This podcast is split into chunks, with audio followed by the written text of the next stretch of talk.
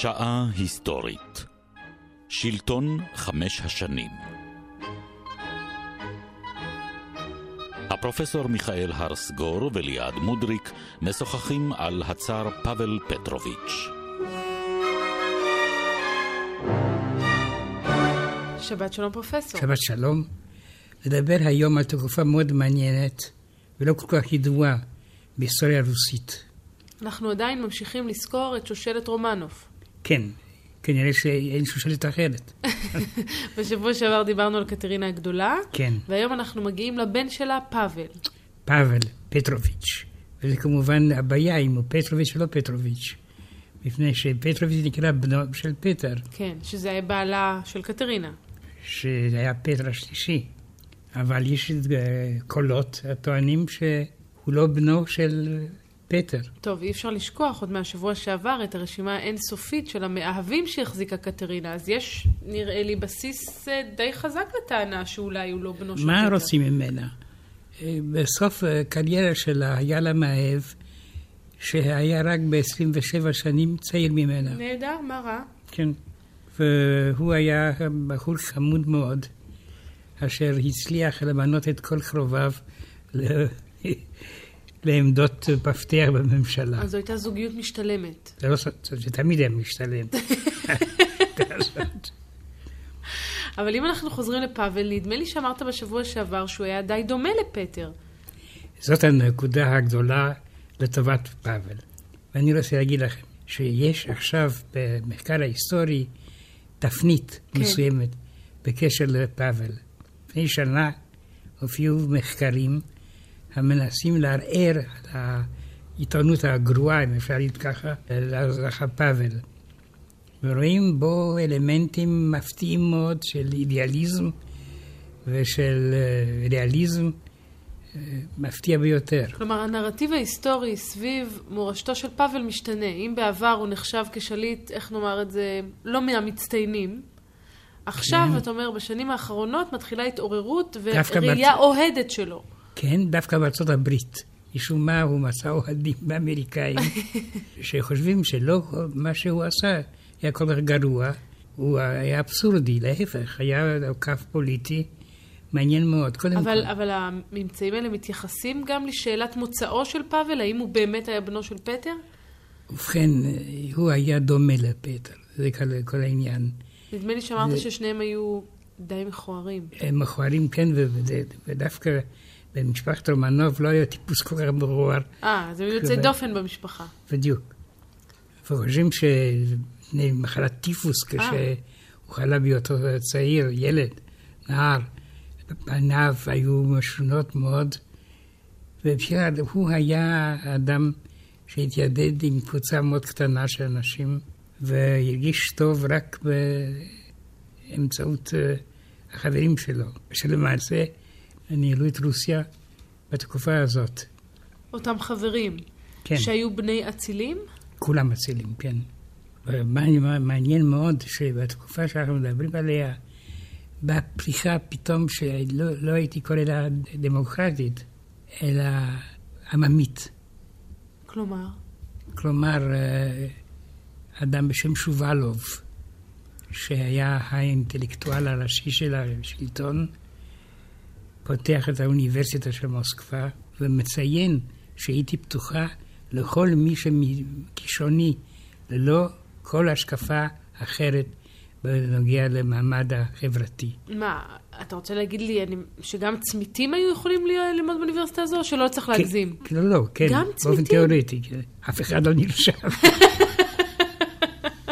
הבנתי. זה נשאר... אה, אבל ברמה האידיאולוגית העקרונית, כן. ההצהרתית, אפשר היה להירשם לאוניברסיטה. אפילו אם אתה צמית. טוב, זה די- באמת די מדהים. קשה, אם אתה תמיד איך אתה נכון, לאוניברסיטה. איך תספיק גם לייצר את כל מה שאתה צריך לייצר בשביל הפאודל וגם ללמוד, אבל בסדר, עקרונית לפחות הם פותחים את המוסד וזה לא רע. מסביבו של פאבל נרקמו יחסי ידידות עם קבוצה קטנה, מה שהרגיז את שאר החברים בממשלה.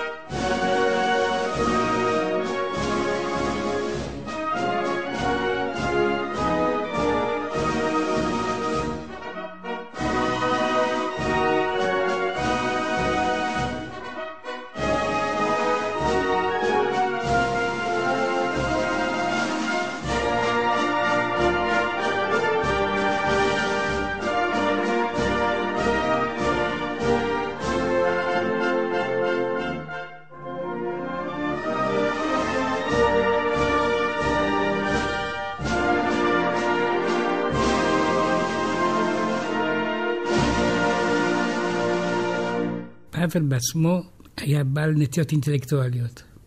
והיה גם אדם שטען שמוסר חייב לשלוט בחברה. והמסקנה הייתה שהחברה הרוסית היא מתנוונת והיא בלתי אפשרית. וששלמד את החיים החברתיים באופן העמוק ביותר, איך עושים את זה? ואז פתאום, בינינו לעצמנו, הרעיון של פאבל היה די מוזר. כן. הוא מצא את האבירים של מלטה. את האבירים של מלטה? כן. אלה היו אבירים של ימי הביניים. כן. אשר ישבו באי מלטה. ומה עניין שמיטה להר סיני? רגע, זה, מעניין מאוד. והם שמרו על הפסיכולוגיה של אצילים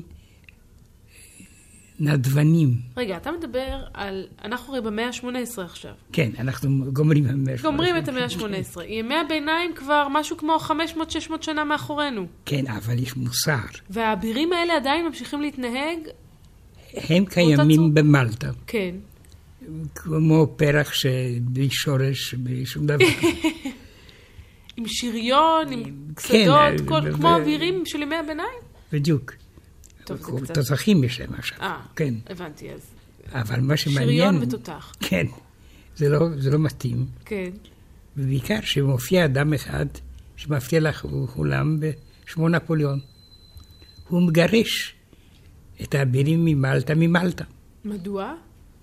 מה זה מדוע?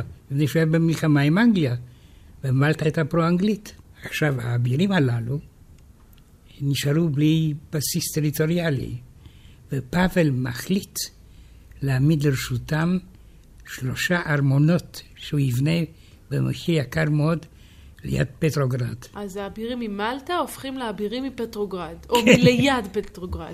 זה לא כל כך מתאים, מפני שהם לא ידעו מילה רוסית. כן. הם גם באופן כללי נראים לא מחוברים לתקופתם. לא, בדיוק. אבל זה למעשה שייך לתקופה רומנטית. כן. אז הם חיים באותם שלושה ארמונות ליד פטרוגרד, וממשיכים להתנהג כאילו הם חיים בימי על הביניים. חשבון הצאר. על חשבון הצאר כמובן. בדיוק. ואפשר להגיד שהצאר היה אדם מאוד מאוד אה, נדבן. הוא היה מקדם אותם חברתית, משפיע עליהם שפע של כיבודים, של אדמות. אבל מה יצא לו מזה? הוא חשב, פאבל, שהאצולה הרוסית היא מתנוונת. כן. היא לא תוכל להמשיך להתקיים אם לא תקבל זריקה של מוסר. אז הדרך להצעיד את האצולה הרוסית קדימה היא להחזיר אותם לימי הביניים. ביניים ביניים במלטה. במלטה. נשמע כמו רעיון מהפכני. מהפכני לגמרי, קצת מטורף. כן, שמרני גם במובן מסוים. כן, סוף סוף אנחנו ערב הרומנטיזם, נכון?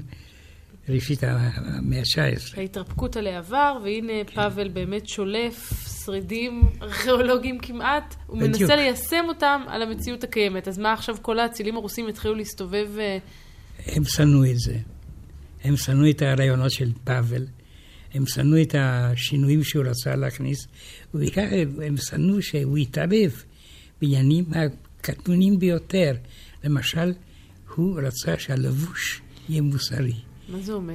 זאת אומרת, לא לבוש צרפתי, מפני שבצרפת פרצה מהפכה. על כן, הפקרות לא- מוחלטת. לא כובעים עגולים, הכובעים עגולים זה לא מוסרי. לא מוסרי. הבנתי. מדוע? מפני שהמהפכנים הצרפתים חובשים כובעים יש כאלה. סכנה ברורה ומוחשית לכך שמי שילבש כובע עגול ברוסיה מיד ירצה למרוד במלך ולהתיז את ראשו. אין מלך, יש קיסר. בצר, צר, צר, כמובן, כן. בצר. אתה אומר שהאצילים למעשה מתקוממים נגד פאבל. כועסים עליו, לא רוצים לשתף איתו פעולה, אבל זה הופך למרד ממש? המרד יבוא עד לרצח. אה, הם ירצחו אותו. כן. נהדר. ברוסיה, אם אתה לא מסכים, אתה נרצח. דרך פשוטה לפתרון סכסוכים. ללא ספק. ואפשר להגיד פתרון דפיניטיבי. בהחלט, יותר דפיניטיבי מזה כנראה אי אפשר. והוא ידע שיש סכנה כזאת. ועל כן הוא רצה להקיף את עצמו על ידי קבוצה של נאמנים אישיים, כן. אשר תמכו ברעיונות שלו, ואשר היו בצורה מסוימת מתקדמים.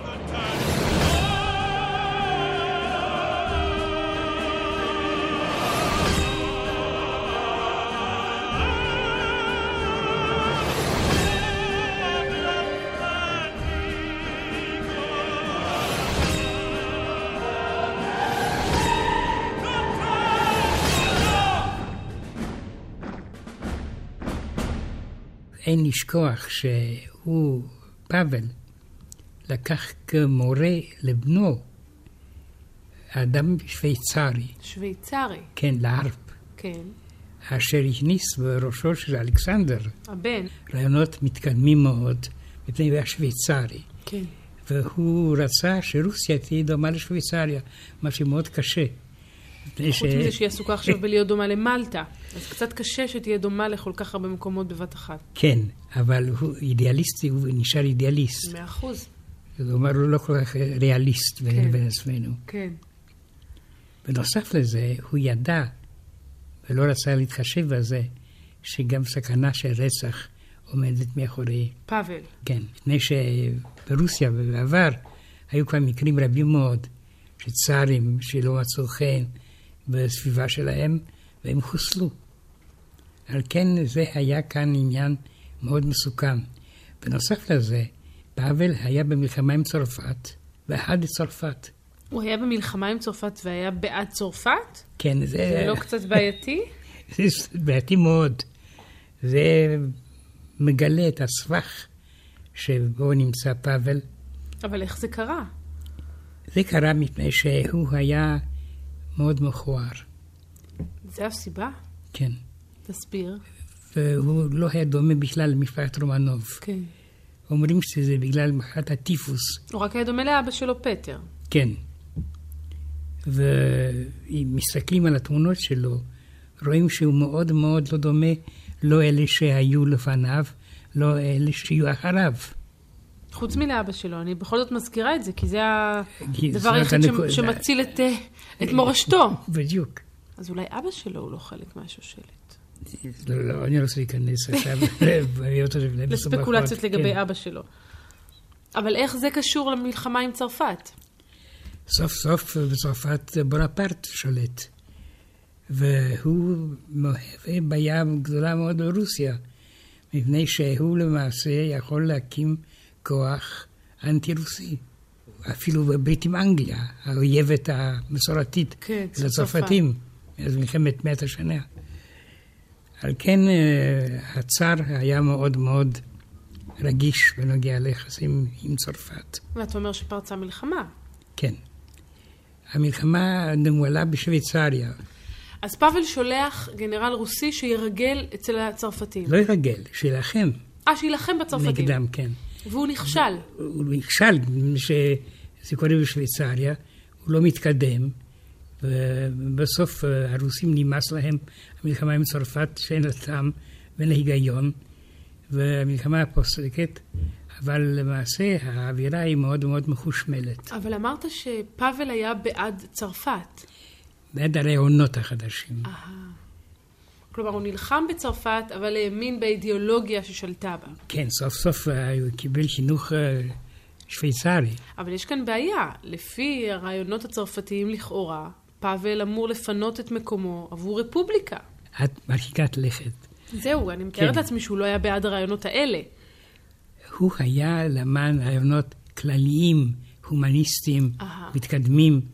הוא לא... לא שום דבר אה. שייושם על שיטת השלטון. בדיוק, בדיוק. ברור. מתי בעצם פאבל עולה לשלטון? ב-1796, כשאימו קטרינה הולכת לעולמה. בדרך טבעית, כן, שזה כבר הישג. היא מקבלת התקפת לב אה, ולא מתעוררת. ככה שהוא מקבל כמובן את המלכות מידי שמיים. איך היו היחסים בינו לבין אמו? כי הרי אנחנו זוכרים מהתוכניות הקודמות שבאופן כללי בשושלת רומנוף היחסים המשפחתיים לא היו, נגיד, משובחים. אני רוצה להגיד לך, כאשר הוא הגיע לבגרות, אז אמו נתנה לו אחוזה יפה מאוד בשם פבלוס. כן. ויותר מאוחר הוא קיבל במתנה, כשהוא התחתן, אחוזה עצומה, שמשום מה אני ביקרתי בה, מפני שהיו סיורי עיתונאים כאשר אורגנו כדי להראות את התיקונים שעשתה ברית המועצות מן ההרס של הצבא הגרמני. והאחוזה שלו, גצ'ינה, זה משהו מדהים. תארי לעצמך שזה ארמון עם 600 חדרים. 600 חדרים. כן, וגם למיותר. איש לא הבין למה הוא זקוק ל-600 חדרים. זו הייתה מתנה לאורלוף. אורלוף היה המאהב של יקטרינה. כן. כן. יכול להיות שהוא אבא של פאבל? לא, לא, הפאבל שהיה באמת בנו של פטר. פטר, אני כן. מפסיקה לרמוז רמיזות לא, לא מכובדות בהקשר הזה. אמנם, אמנם זה קטרינה השנייה, הנושא שלנו. כן. והרמזים שלך הם אפשריים, אבל אין להגזים. לא, אני עוצרת בזאת. לא תשמע עוד פקפוק במוצאו הטהור של פאבל.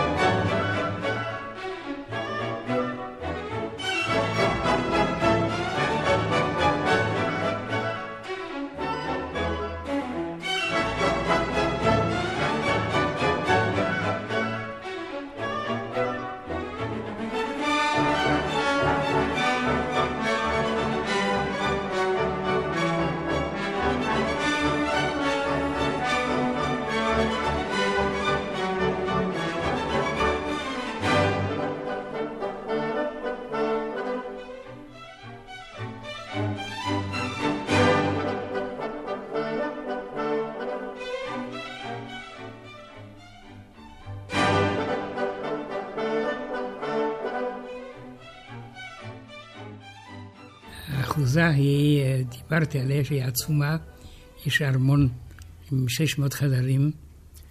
אבל זה, אתה יודע, תשורות חומריות מהסוג הזה יכולות להעיד על הרבה דברים, אבל זה לא בהכרח אומר שהיו להם יחסים טובים. לא, אבל בכל אופן, אם הקיסרית נותנת לבנה מתנה, כל המדינה יודעת את זאת, וסימן שהיחסים הם טובים. אהה. למעשה, אה, מה שמדובר על העוינות שלהם היא קצת מוגזמת. אז יש דיווחים על כך שהייתה מתיחות ביניהם. פעם אחת הוא טען שהיא מנסה לתת לו זכוכית אה, שבורה בקינוח סעודה. שהיא שמה לו באוכל זכוכית שבורה? כן. כדי שיאכל אותה וימות. כן, זה הוא טען. טוב, אז אפשר לומר שהיחסים לא היו כל כך טובים, ושהמתיחות אפס הייתה... אבל זו טענה שלו. כן, זה- אבל זה- אם הגענו למצב שבן טוען נגד אמו שהכניסה לו זכוכית שבורה באוכל, כן, אז זה אז זה כנראה רגיל. שמשהו שם לא בסדר במערכת יחסים. זה רגיל בשושלת הרוסית. כן, זה נכון, אבל בכל זאת, כן. אה, ברוב השושלות הייתי רוצה לחשוב שזה פחות שכיח. זה לא מדבר על רוסיה, משהו מיוחד. אז מה, הוא, הוא אכל מזה, או... הוא לא אכל, הוא טען שהיא זכוכית, סירב לאכול את הזכוכית. ואחרי זה, כשהוא זה טושטש, וטען שלא הבינו אותו, בעצם פשוט נשברה שם כוס במקרה, וזה נכנס לאוכל, אף אחד לא שם לב. כמובן, טעות אנוש, בסיסית, זה אפשרי. בהחלט. אבל אה, השלטון שלו היה גם מופרע על ידי העובדה שהיו גם טוענים לכתר באיטליה. הייתה משיחת הרקונובה, שטענה שהיא הבת של אליזבת. הבת של אליזבת. כן. אליזבת הייתה בעצמה צרינה למשך לא מעט זמן. אבל איך, איך להיפטר מן הגברת הזאת, טרקנובה? פשוט מאוד, שלחו אוניית מלחמה כן. רוסית, שהגיעה איכשהו לנמל איטלקי, ואורלוף, המאהב, המאהב של קטרינה. שהיה מפקד האונייה, הזמין את הנסיכה טרקנובה לעלות על סיפון. הזמנה שנדמה לי שלא תעלה טוב. היא עלתה על הסיפון כן. ולא ירדה. ולא ירדה. וכך קטרינה נפטרה מהטוענת לכתר. כן, היא נשלחה לאיזה מין מוסד, ממנו היא לא יצאה. אוניית מלחמה הביאה אותה לרוסיה, והיא מתה ברוסיה. משחפת כנראה. אלה היו היחסים והאווירה כדי להסביר את ה... אז לא צריך. להתפלא מטענות הזכוכית של פאבל, זה מה שאתה אומר. אבל הוא ממשיך בשלטון, הרי דיברנו על כך בתוכנית שעברה, שקטרינה הציגה את עצמה כממשיכת דרכו של פיוטר הגדול. כן, אפילו בלטינית. והיא אפילו כתבה על הכאן, הפסל שלו, פטרו פרימו, קטרינה סקונדה. כלומר, לפיוטר הראשון, קטרינה השנייה. עושה הכל כדי להראות שהיא בעצם ממשיכת הדרך. והשאלה... ודרך אגב, אני רוצה להגיד לך כן. שפיוטר השלישי הקים גם כן פסל לאליזבת, ואמר, וכבר כתוב, הנכד האהוב לסבתא האהובה. זה פשוט משחק מילים על ההגלשה של קטרינה השנייה. ברור. כן. אז פאבל המשיך את דרכה של קטרינה, או שהוא הלך לכיוון אחר לגמרי? אי אפשר אה, ללכת לכיוון אחר בטירניה, במשטר הדיקטטורי כן. שהיה ברוסיה. אבל הוא ניסה איכשהו למצוא איזושהי דרך אחרת, וזה גרם למתח רב מאוד בינו לבין האצולה. הוא נאחז על ידי פחד מן המהפכה הצרפתית, עד כדי כך שהוא רצה שבבתי הספר יוציאו מן המילונים מילים מסוכנות כמו חוקה, חברה, דמוקרטיה. להוציא מהמילון. כן. כלומר, אם הם לא ידברו על זה, אם הם לא ידעו את המילים האלה, בדיוק. הרעיונות לא יחלחלו לראשיהם. כן, טוב, זה בערך אותו היגיון, כמו אם הם לא ילבשו כובעים עגולים, הם לא יהיו מהפכנים. זה, זה אותו היגיון. אבל יש כאן צעד דווקא מאוד מעניין מבחינה היסטורית של הקשר בין שפה לבין פעולה, לבין מעשה. האמונה שאם נצמצם את גבולות השפה, נצליח למעשה גם להגביל את הפעולות של האזרחים. כן.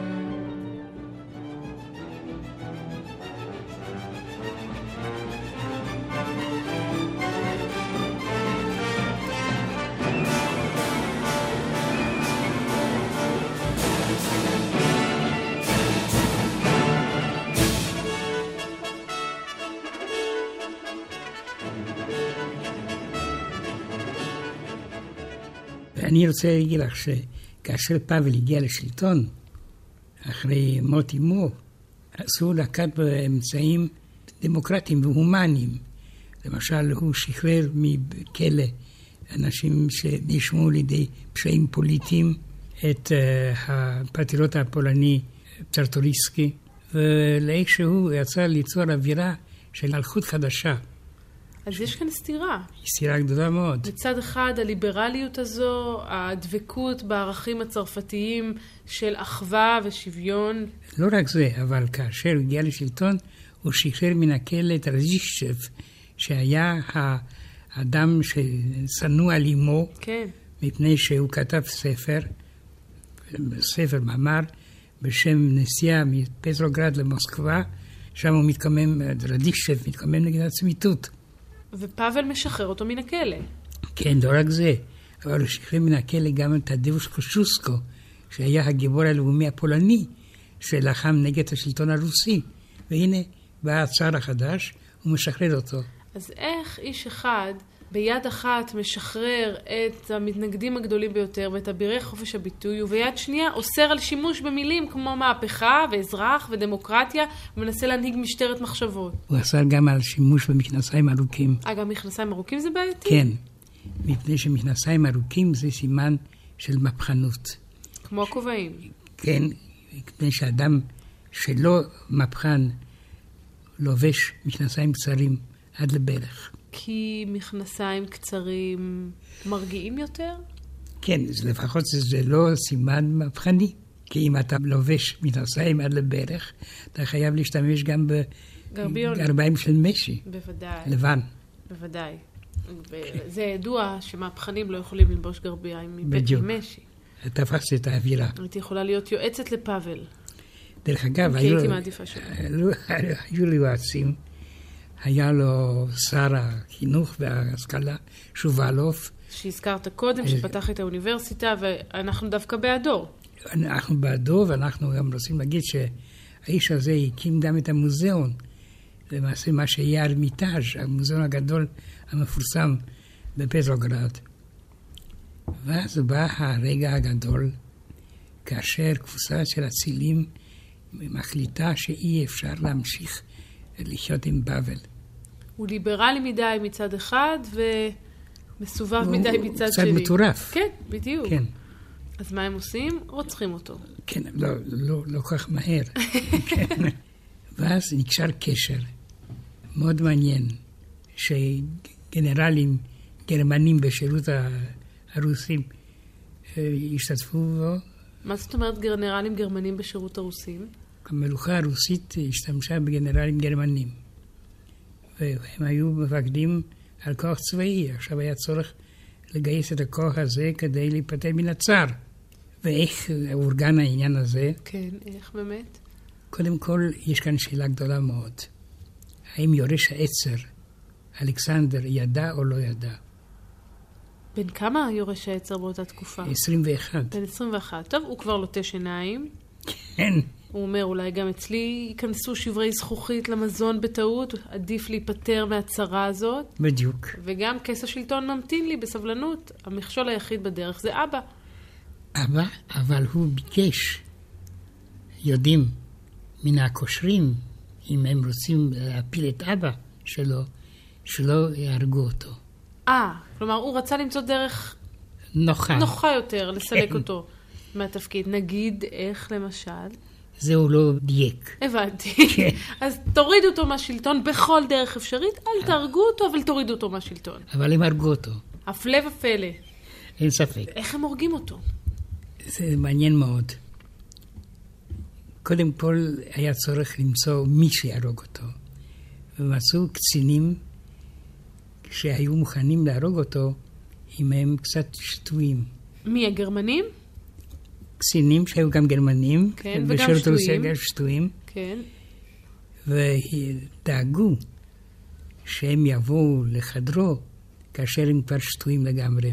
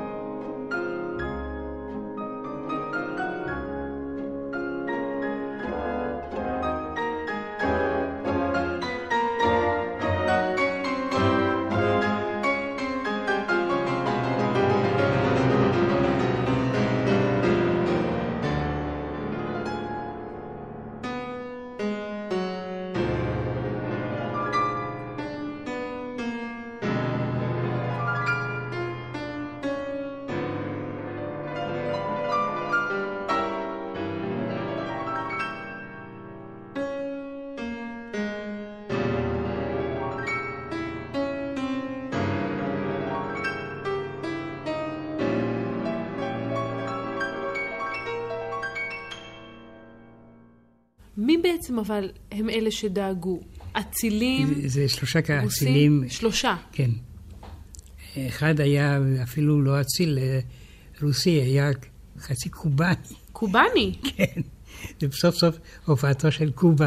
ו- לא, זה ו- נשמע כמו בדיחה מאוד, מאוד לא טובה. קובאני, גרמני ורוסי רוצים לרצוח טוב, את זה, הצאר. זה לא היו כל האומנים, היו אזרח העולם. אז השלישייה הזו בעצם, הקובאני, הרוסי והגרמני, אבל הקובאני מת אה, הקובאני מת, לפני המעשה. עליו השלום. איך הוא עשה את זה? הוא מת פשוט מת. ממחלה. לא רצחו אותו?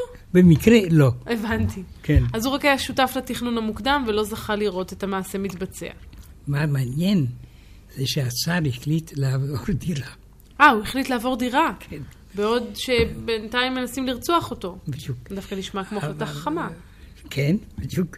דירה חדשה, הרוסים לא ידעו את הדרך. בדיוק. אבל מה? בארמון שנמצא בפטרוגרד, היה ארמון חדש שקראו לו פבלובסק, לכבוד הפאבל, כן, הקיסר. מה כן. שאמרת, שקטרינה נתנה לו. נתנה לו כמה. אחוזות, כן. ומי היו המבצעים? היה צורך למצוא אנשים שיהיו שונאי הצער. ואז מצאו סדרה של קצינים שפוטרו מהשירות הצבאי בגלל חטאים מסוימים. אז יש להם משמעתי. טינה שמורה בדיוק. נגד הצער, והם ירצו, יהיה להם מניע לבצע את הרצח. אבל זה לא מספיק. השנאה לא מספיקה, היא שולה גם בוודקה. ואז הם חוממו, אפשר ככה, על ידי וודקה. כן, תודלקו אומרים היום. תודלקו, כן. נכון. בהחלט. אז הם תודלקו. בוודקה, כן. ואז, ייתכן שיגעו גם אה, משקאות אחרים, לא רק וודקה. כן, אנחנו לא נשמור לוודקה דווקא את זכות הבכורה. ואז הם. נכנסו לחדר השינה של פאבל, בדירה החדשה. בדירה באחוז- חדשה. דירה, זה מצחיק שאנחנו אומרים דירה, בארמון החדש. בארמון החדש, כן. כדי שהוא הקים אותו, כדי להימנע מרציחות. אבל הם מצאו את הדרך. ו- אבל לא היו לו שומרים? לא הייתה אבטחה? שומרים היו קנויים על ידי אה, החושבים. גם השומרים שיתפו כן. פעולה. מה את חושבת, ככה קל לרצוח את הצער? לא, ודאי שלא חשבתי שזה קל. אבל זה מצריך מאוד. מסובך, כן. משום מה זה מסובך, אבל זה תמיד הצליח. טוב, כנראה שהקושרים היו מתוחכמים. הם היו מחוממים על ידי הוודקה, כן. ותפסו את הצער המסתתר מאחורי המיטה שלו. אה, הוא התחבא? כן, הוא הוא מתחבא. כבר שמע שנכנסים. הם נכנסו פתאום כמה חמישים אה, קצינים שיכורים, זה לא כל כך בשקט. לא, לא סימפטי. כן. אז הוא מתחבא מאחורי המיטה.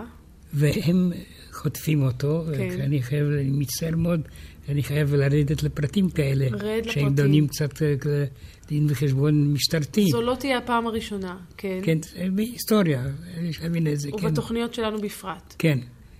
היסטוריה היא משהו חי, בהחלט. ולמעשה מעשה של אה, המתה זה גם דבר חי. אז התנצלנו את כל ההתנצלות האפשריות, עכשיו בואו נגיע לפרטים. הפרטים הם די לא נעימים. כן. הם רצו קודם כל להכריח אותו לחתום על התפטרות. שיראה טוב. כן. הרי סוף הבטיחו, חצי הבטיחו, לא הבטיחו לאלכסנדר שלא יונה כל רע לאבא בוודאי. שלו. הוא בעצם רק התפטר, ואז באורח פלא מצא את מותו. זה יקרה, זה קורה. כן. ואז הוא מתנגד. הוא לא רוצה לחתום על ההתפטרות שלו, אז מישהו מכה עליו בחרב, הוא מתבוסס בדם, ואז כולם מחסלים אותו. כולם מחסלים אותו? כל הקבוצה של כמה עשרות אנשים. כן. ואחרי זה אחד. מודיעים לאלכסנדר שהוא צר. פשוט כך. הגנרל גרמני אמר לו בצרפתית, אתה כבר מבוגר מספיק, עת למשול.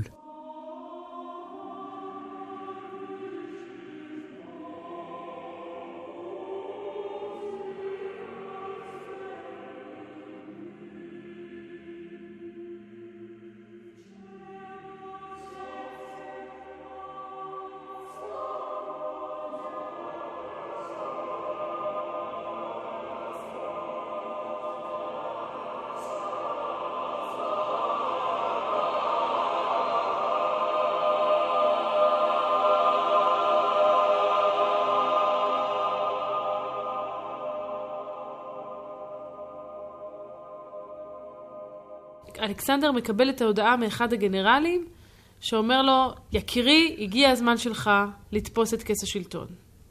אתה כבר צער, בפועל. כן. והוא... איך הוא מתייחס אליהם? כי בכל זאת, מצד אחד אלה הם האנשים שסללו את דרכו לשלטון, מצד שני הם רצחו את אביו. הם מקבלים עונש, הם נתפסים. זה עכשיו פרשה שלמה, שמעניינת מאוד מפני שהיא מסבירה את האופיות של אלכסנדר. הוא לא התפטר מן ההאשמה הזאת. האחריות שלו לעובדה שהוא כאילו הסכים לרצח אביו העיק עליו. בצדק. עד כדי כך שכאשר היו שמועות בקשר להיעלמות גווייתו של האב? של אלכסנדר, של אלכסנדר. כן. אה, גם גווייתו עוד תספיק להיעלם לה. כן, זה ככה רגיל ברוסיה, כן. אז השלטון הסובייטי מינה ועדה שתבדוק מה עם הקבר שלו, ומצאו את הקבר ריק. את הקבר של אלכסנדר? כן. ריק? כן. זאת אומרת שהוא ברח, הוא יצא מן הארמון. והשמועה היא שהוא הלך להיות עיקר מנדב נדבות בכפר נידח בסיביר. כלומר, הוא היה כל כך אחוז רגשות אשמה על מה שהוא עשה לאבא שלו, כן. שהוא פשוט ברח והתחזה למת. אבל רק כשהוא סיים את המלוכה שלו, לא קודם לכן. קודם כל הוא מלך. אחרת היה לו קשה להמשיך למלוך בתור כן. מקבץ נדבות. כשהגיע הסוף, הוא אמר, יהיה לי סוף יפה, מוסרי, דוגמה לאחרים. מעניין. יש כאן בעיה מעניינת. מדוע הוא נקרא אלכסנדר? מדוע באמת? ומה שמעניין מאוד זה שאחיו נקרא קוסטנטין. אז גם אלכסנדר וגם קוסטנטין קצת יותר מדי ביזנטיני. מפני שזה מגלה את המגמות הסודיות של קטרינה השנייה לעזור ליוונים להתמרד נגד השלטון הטורקי. או, וואו, טוב, זאת תיאוריית קונספירציה רצינית מאוד. אתה אומר שקטרינה השנייה הייתה מעורבת בבחירת שמות ילדיו של פאבל, כן. אלכסנדר וקונסטנטין, ששמות יוונים. וכל העניין הזה נועד כדי לעודד את היוונים למרוד בטורקים. כן, מה שקרה. אבל היוונים, רק מכיוון שבניו של הצאר נקראים בשמות יווניים, פתאום... אבל כן, אבל זה לא רגיל. עד עכשיו לא היו שמות כאלה במשפט רומנוב. אבל כאשר המגמה הפוליטית הייתה לשחרר את היוונים מן העול הטורקי, נתנו להם שמות כאלה. וזה עבד. וזה עבד טוב מאוד, אגב. אז מה באמת היה במאבק הזה בין יוון לבין טורקיה? יוון הפכה להיות מדינה עצמאית. אבל בת חסותה של רוסיה. בעזרת הרוסית, בדיוק, כן. בת חסותה של רוסיה. כן. ומעניין מאוד שבצד אחד רוסיה הייתה שומרת על הברית הקדושה עם מטרניש נגד המהפכה, בצד שני, מסיבות פוליטיות, לאומיות, רוסיה תומכת במהפכה יוונית, שהיא לגמרי בניגוד לקו המקובל. אז צריך אולי להסביר, אם כבר אנחנו נכנסים לדקויות האלה, כן. בעצם אנחנו נמצאים בתקופה שבה אירופה, בהרבה מאוד מובנים, מתחילה לשנות את פניה.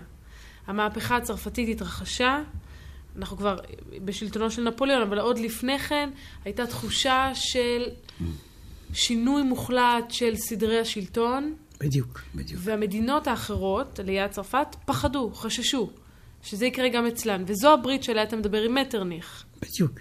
היחסים היו קבועים על ידי מטרניש. מטרניש היה השולט הגדול של הפוליטיקה האירופאית. כן. והוא רצה ברית של כל המלכים נגד כל המהפכות האפשריות. והוא טען שהשקט של אירופה יכול להיות מובטח על ידי ברית בין הצאר הרוסי, הקיסר האוסטרי והמלך הפרוסי.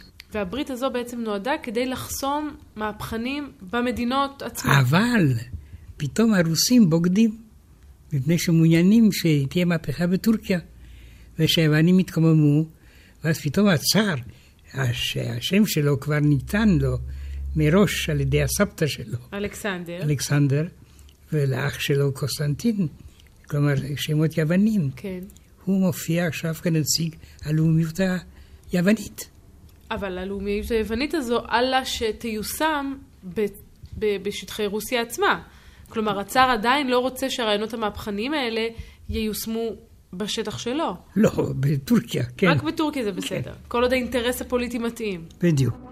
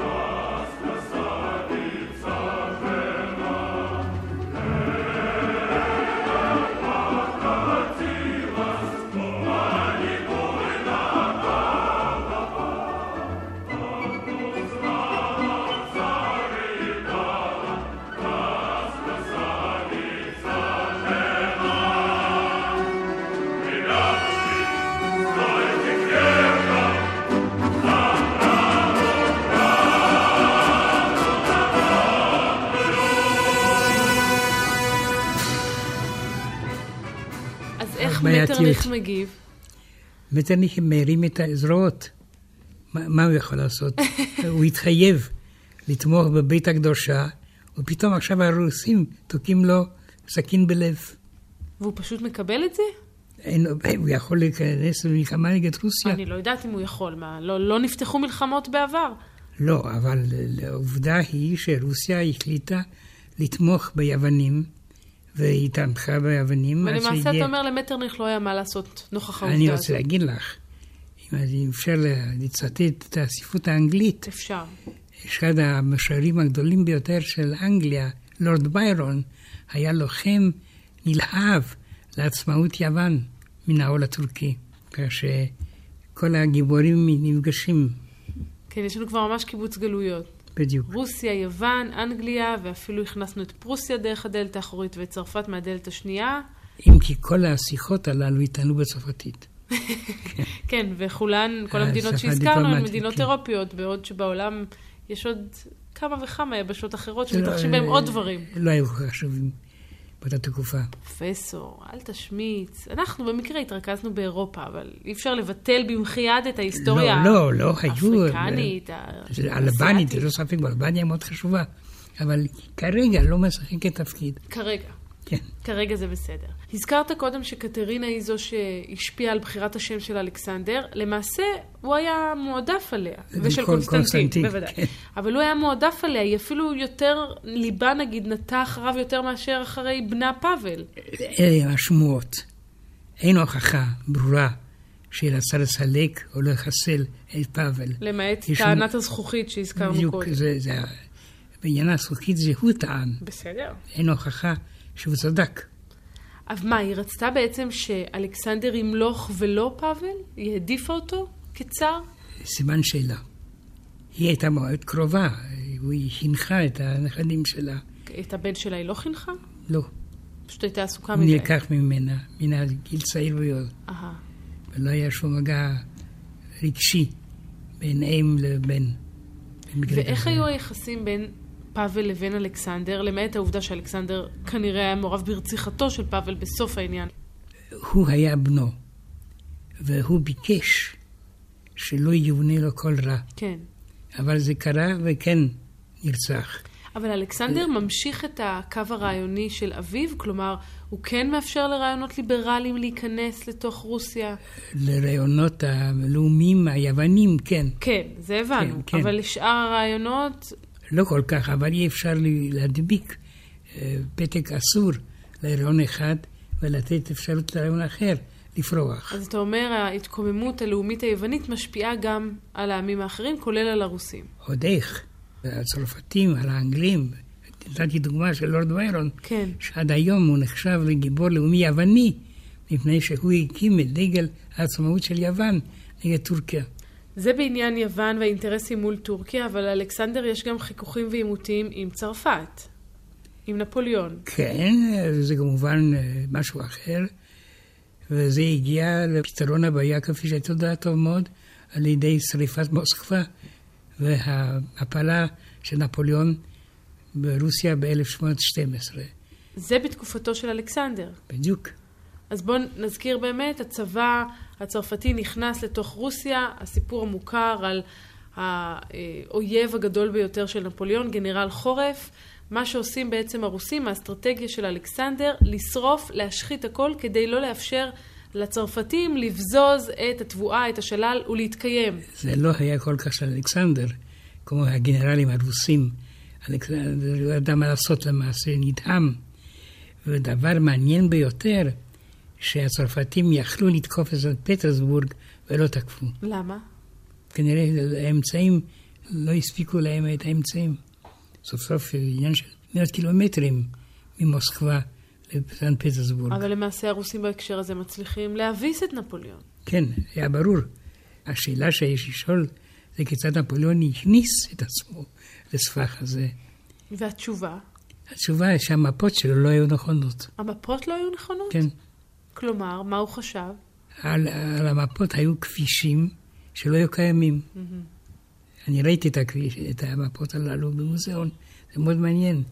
כתוב בצורה מאוד ברורה, הכביש הזה מוביל, ולמעשה הכבישים לא היו קיימים בכלל. אז מה מקור ההטעיה? זה מודיעין לקוי של הצרפתים? לגמרי, לגמרי, זה לגמרי. מזימה מכוונת? עצ- עצם הרעיון לפלוש לרוסיה, זה היה רעיון מטורף. וכפי שאני קראתי באותה תקופה, היה סגן אחד בצבא נפוליאון, קפיטן קואניה, אשר כתב יומן, והגיע כל פעם לפרק, והוא מסכם את הפרק במילים הללו. אי אפשר לנצח את רוסיה. סימן קריאה. וסימן הקריאה הזה עוד יהדהד שוב במהלך ההיסטוריה. כפי שידוע לך. שעה היסטורית. שלטון חמש השנים.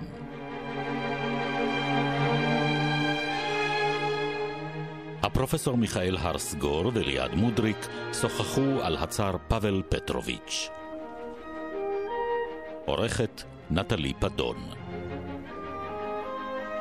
ייעוץ מוסיקלי עמליה רוזן. ביצוע טכני בני יהודאי, עדי רוזלי וולדימיר נאומקין.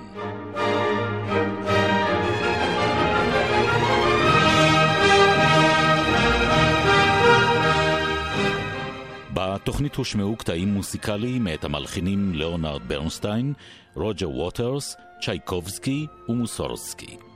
כמו כן הושמעו קטעי מוסיקה ליטורגית מאת רחמנינוף ומוסיקה בביצוע תזמורת הצבא האדום.